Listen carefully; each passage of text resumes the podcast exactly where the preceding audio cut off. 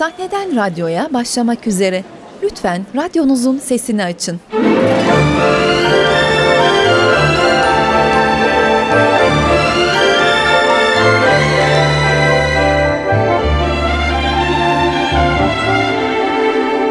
Sahneden radyoya.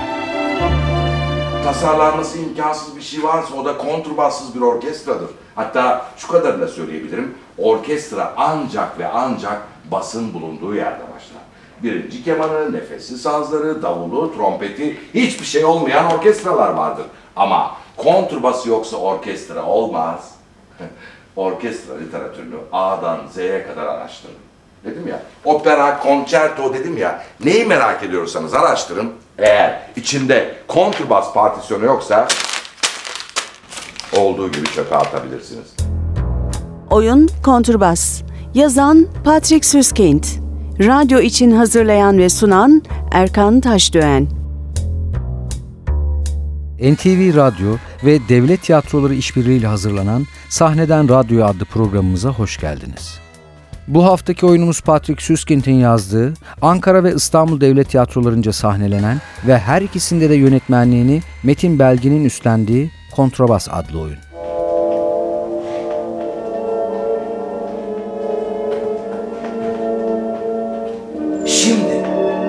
İşte şimdi. Duydunuz değil mi? Dinleyin. Bas sesleri duyuyor musunuz? Yani kontrbasları.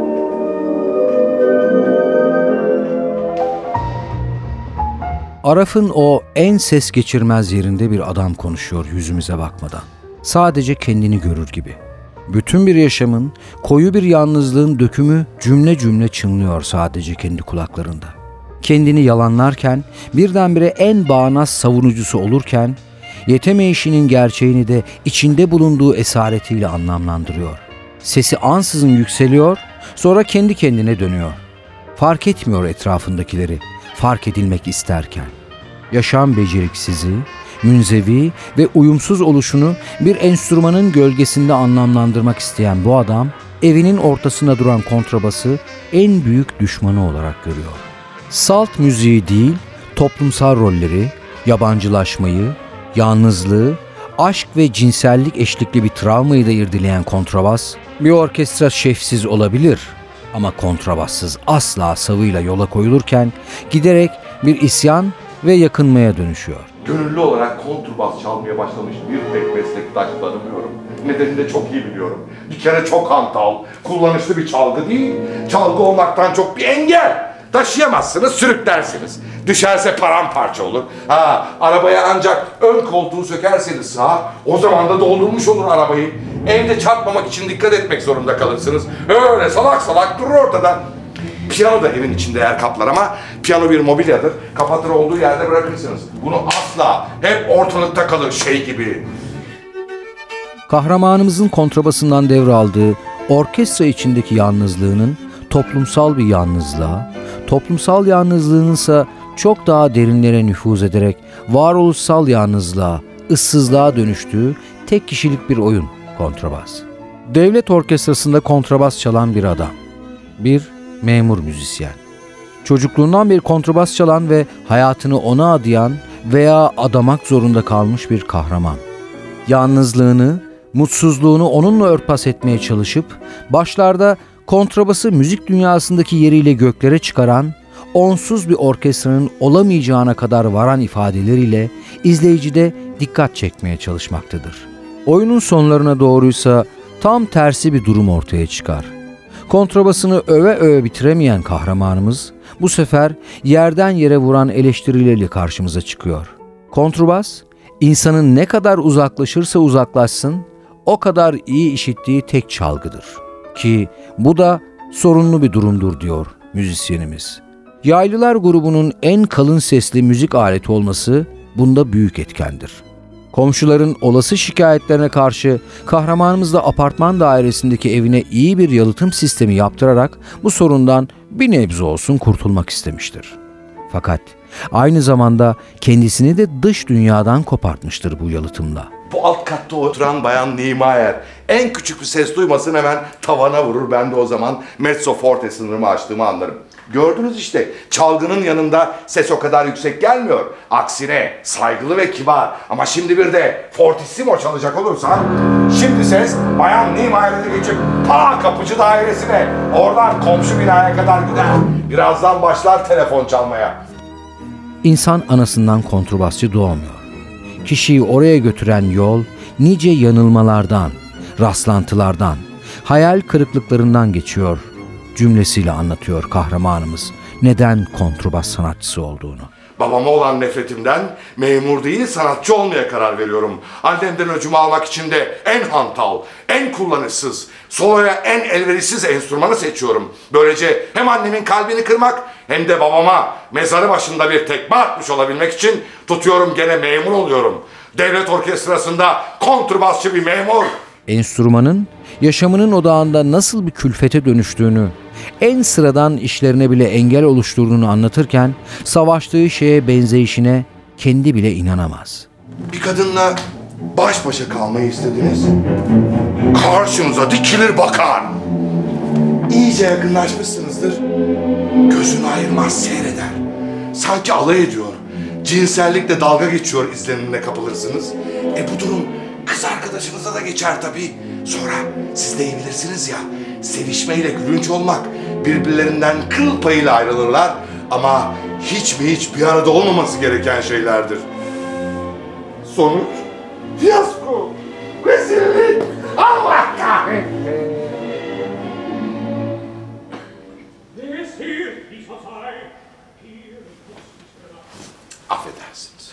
Biliyorum tamam burası yeri değil. Ayrıca sizi de hiç ilgilendirmez hatta rahatsız edebilir ama bu konuda kötü deneyleriniz olduysa onları hatırlamışsınızdır. Sinirlenmekte yerden göğe kadar haklıyım. Herkes devlet orkestrası elemanının böyle sorunları olamayacağını sanıyor. Kahramanımız kontrabası zaman zaman gerçek bir kişilikmiş gibi duyar. Öyle ki anlatımında canlanır, birazdan dile gelecekmiş gibi ete kemiğe bürünür. Kontrabas dişidir. Dişiliği esirgeyici zalimliğindendir adama göre. Kadınlarla arasındaki tutuk, sorunlu ilişkisinden yola çıkıp kontrabası da böyle bir benzetmeyle yaşamsal tıkanıklığına dahil eder. Hatta direkt onu sorumlu tutar. Orkestra hayatın kendisi gibidir. Hangi devrimi yaparsanız yapın, oradaki hiyerarşi hiç kaybolmaz. Her zaman en arkada ve ayaktasındır. Kontrabasa sahipsen diyor. Ben sevdiğim kadına karşı centilmence davranmasını bilirim. Ama o başka heriflerle nasıl gidebilir? Ayıp değil mi? Benim sevdiğim kadın başka heriflerle yemeğe gidemez her gece her gece. Henüz beni tanımıyor ama zaten tek mazereti de bu. Eğer günün birinde tanışırsa o zaman neler olacak neler. O zaman görür gününü. Benim karım sırf toprağın olduğu için günün birinde Dorabella'yı, Ayda'yı, Butterfly'ı söyleyecekmiş diye ben seni kontrbasçı parçası. Bu yüzden başka heriflerle yemeğe gidecek. İzin veremem. Veremem, veremem, veremem. Oo, affedersin. Saçmalıyorum değil mi? Ama bir kadınlar hiç beklenebilir mi? Benim gibi bir herife katlanması.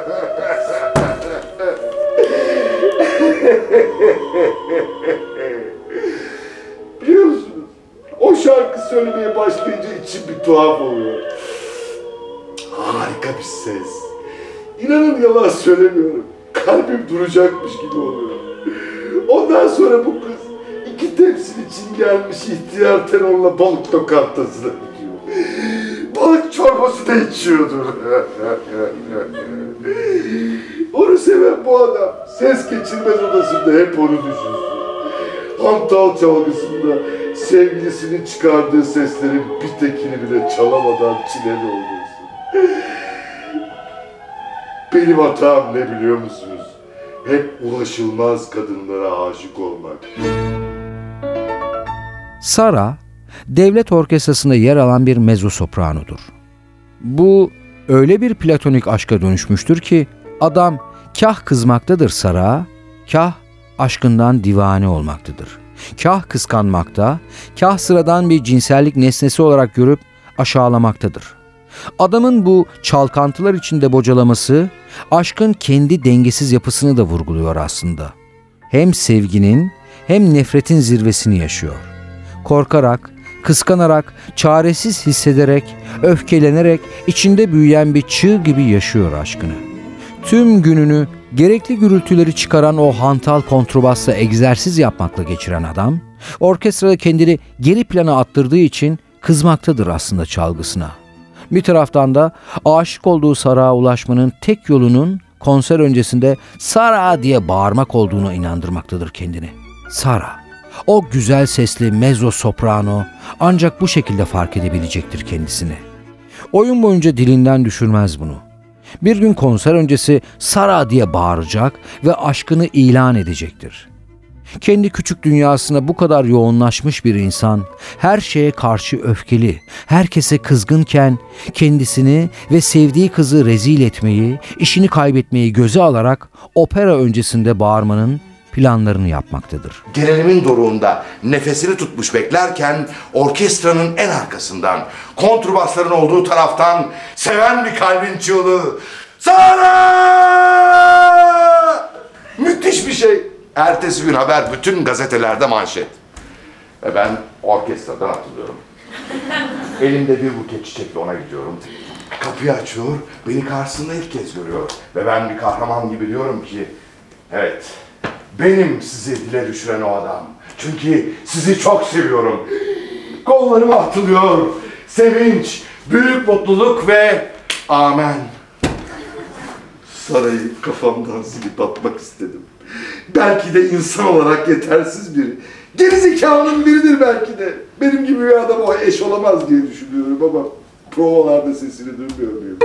O sesi, tanrısal tınıyı, o sesin sahibi istediği kadar geri zekalı olsun. İşte müziğin ürkütücü yanı da bu ya.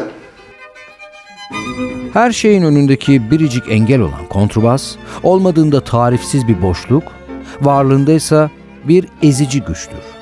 Öfkesi kimi zaman yön değiştirir. Büyük bestecilerin tek bir solo eser yazmaya layık görmediğinden yakınır sürekli. Işıklar altında, eşsiz gösterilerde en arkalarda, o devasa varlığıyla gözden gitmesi imkansız kontrabasın nasıl olup da fark edilmediğini sorgular. Bunun yanıtı basittir. Bütünün içinde kaybolan kontrabasın kendini hatırlatacak tek bir solosu dahi yoktur. Müzikle ilgili gibi görünse de kontrabas oyunu aslında seyirciyi seçtiği mesleği ve yaşadığı hayatı, neden bu seçimleri yaptığını, işini sevip sevmediğini sorgulamaya sevk ediyor. Ayrıca orkestrayı toplumun bir aynası olarak nitelendirerek hayat dediğimiz çok seslilikte bizim yerimizin ne olduğunu, ne kadar önemli olduğumuzu, alkışlardan ne kadar pay aldığımızı, varoluşumuzla ne fark yarattığımızı düşünmemizi sağlıyor. Ve solo yapmaya elverişli olmayan kontrabas gibi biz insanların da tek başımıza yaşamaya pek de elverişli olmadığımızı söylüyor. Bu dünyada herkesin bir yeri vardır ve herkes yerinin ne olduğunu bilir. Bana da sormak düşmez tabii. O yere nasıl geldiğini, niçin orada kaldığını, neden... Of! Bazen iğrenç şeyler takılıyor aklıma. Az önce sarayı karşımdaymış gibi düşündüm. Rüyalarımın kadınını şu pis kutuymuş gibi düşündüm. Allah kahretsin, Allah kahretsin. Rezilce şeyler bunlar. Yo yo hayır hayır hayır. Ben seks manyağı falan değilim. Yalnız düşündüğüm zaman hayal gücümü engelleyemiyorum. Düşünmek der. 22 yıldır felsefe okuyan bir arkadaşım. Düşünmek öyle herkesin becerebileceği bir iş değil. Herkes düşündüğünü sanıyor, büyük düşünceler üretiyor. O yüzden de günümüzde felaketler oluyor. Bir gün hep beraber kendi canımıza okuyacağız. Patrick Süskind'in birçok dilde en çok oynanan oyunu olan kontrbas, inişli çıkışlı anlatımıyla keyifli ve akıcı tek perdelik bir oyun. Alışılmışın dışında hayat ve kişilere bakış olanağı sağlayan yazar, bu defa daha önce kolay kolay fark edilmeyen ince bir ayrıntıyı gözler önüne seriyor. Patrick Süskind'in bir anlamda bestecilerin yapmadığını yapıp kontrabas için bir solo eser yazdığı bu oyun sayesinde farkında olmadan gözler usulca kontrabas sesinin geldiği yöne, onun ardında yer alan kanter içindeki müzisyene çevrilecek. Eğer benim bir oğlum olsaydı, isterse Mozart'ın 10 katı kadar yetenekli olsaydı gene de beste yapacaksın diye tepesine dikilmezdim. Çocuğun beste yapması öyle olağanüstü bir şey değil ki. Maymun gibi talim ettirirsen her çocuk beste yapar. Buna düpedüz işkence denir. Çocuk çocukluğunu bilmeli. Üstelik Mozart o zamanlar çok şanslıydı. Rekabet diye bir şey yoktu. Düşünebiliyor musunuz? Brahms, Verdi, Tchaikovsky, Stravinsky saymakla bitmez. Hepsi sonradan geldiler. Bir Bach vardı, o da adamdan sayılmazdı protestör olduğu için. Onun yapıtlarını bile sonradan keşfedebildik. E o zaman kim olsa çıkıp ben besteciyim der, istediği gibi de çalıp besteler. Patrick Süskind 1949 yılında Almanya'nın Starnberger Gölü kıyısında Ambach'ta dünyaya geldi. Babası Wilhelm Emanuel Süskind de bir yazardı. Patrick Süskind, lise olgunluk sınavının ardından sivil olarak askerlik hizmetini yerine getirdikten sonra 1968-1974 yılları arasında yine babası gibi Münih Üniversitesi'nde tarih eğitimi aldı. Üniversite yıllarında düz yazılar ve senaryolar yazmaya başladı. Ancak bunlar bugüne kadar hiç yayınlanmadı. Patrick Süskind, babası gibi serbest yazar olarak çalışmakta, yazı işleri ve düzeltmenlik yapmakta, roman, kısa hikayeler ve televizyon senaryoları yazmaktadır. Süskind'in kitapları 20'den fazla dile çevrilmiştir ve birçok kez sinema ve televizyona da uyarlanmıştır. Yine kendisinin elinden çıkan kısa ve alaycı bir biyografisinin dışında hakkında pek de fazla bilgi yoktur. İnsan içine çıkmaktan hoşlanmayan Patrick Süskind, Münih, Paris ve Güney Fransa'da yaşamaktadır. Süskind kendisine verilen edebiyat ödüllerini dahi almamakta ve onları reddetmektedir. Patrick Süskind aslında 1981 tarihli bir monolog olan Kontrabas adlı oyununun Münih'te sahneye konulmasıyla meslek hayatının ilk büyük çıkışını yaşadı. Kontrabas 1985 yılında Tevfik Turan tarafından dilimize çevrildi. Ben işçiyim. Müzisyen falan değil işçi. Kesinlikle sizinkinden fazla müzik ruhu yok bende. Tek bir tel yanlış akord edilmesine doyarım. Tam sesle yarım sesi ayırmasını da bilirim. Ama bir tek müzik cümlesi çalamam. Tek bir notayı bile. Ama o ağzını bir açıyor. Çıkan her şey harika. Bin tane yanlış yapsa da harika. Teknik olarak mükemmel bir eğitim gördüm. Teknik olarak her şeyi çalabilirim. Devlet orkestrasında ömür boyu memur olarak oturuyorsam başkaları gibi kendimi deha sanacak kadar budala değilim. 1977 yılında Ankara Devlet Konservatuarı Tiyatro bölümünden mezun olan Metin Belgin, 1979 yılından bu yana İstanbul Devlet Tiyatrosu'nda oyuncu ve yönetmen olarak çalışıyor. Sahnenin yanı sıra sinema ve televizyonda oyunculuk, sunuculuk ve senaristlik yapan Metin Belgin'in oynadığı oyunlardan bazıları bir tavsiye mektubu, Gülnihal, Düğün ya da Davul, Antigone, Bir Yaz Gecesi Rüyası, Barış Gezegeni, İki Efendinin Uşağı, Sahibinin Sesi, Gergedan, Jules Sezar ve Bahar Noktası olarak sıralanabilir. Eskiden insanlar nasıl yaşamışlar acaba? Ha, sakın bugünkünden daha az gürültü olduğunu sanmayın. Wagner'in anılarında okumuştum. Paris'te sokağından albantı olmayan bir ev bulamamış. Paris'in nüfusu da o zamanlar 1 milyonun üzerinde az değil yani. Gelelim nalbantlara. Hiç duyanınız var mı bilmem ama bir müzisyenin karşılaşacağı en dehşet verici gürültüdür. Elinde bir çekişte durmadan metal döven biri. O zamanlar gün doğumundan gün batımına kadar çalışılırmış en azından. Bir de buna parke taşlı yollarda at arabalarının zangırtısını ekleyin. Bir de pazar yeri satıcılarına hiç bitmeyen kavga dövüşü, devrimleri. Fransa'da devrimleri halk yapar tabii. Sıradan halk sokakta o kirpas içindeki ayak takımı.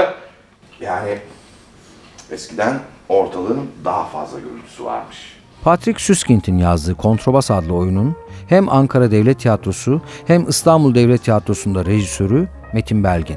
Müzisyen rolünü Ankara Devlet Tiyatrosu'nda Olcay Kavuzlu, İstanbul'da ise oyunun yönetmeni Metin Belgin üstlenmiş. Oyunun ışık tasarımı ise Yakup Çartık'a ait. Hayata dair pek çok şeyin. Aile, iş, kıskançlık, başarısızlık, sevgisizlik, aşk, arkadaşlar, kendini arayış gibi pek çok temanın iç içe geçirilmiş bir şekilde anlatıldığı bir oyun kontrbas. Bir adam ve hayatının merkezinde yer alan kontrbas, seyircilerde insan yaşamı üzerine sorular bırakarak sonlanıyor. Benim artık gitmem gerekiyor. Aa, gitmeden bir plak koyayım size. Schubert.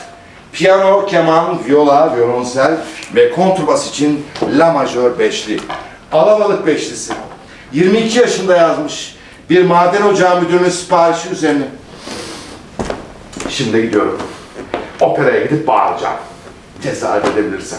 Yarın nasıl olsa gazetelerde okursunuz ya da televizyonda izlersiniz. Hoşçakalın.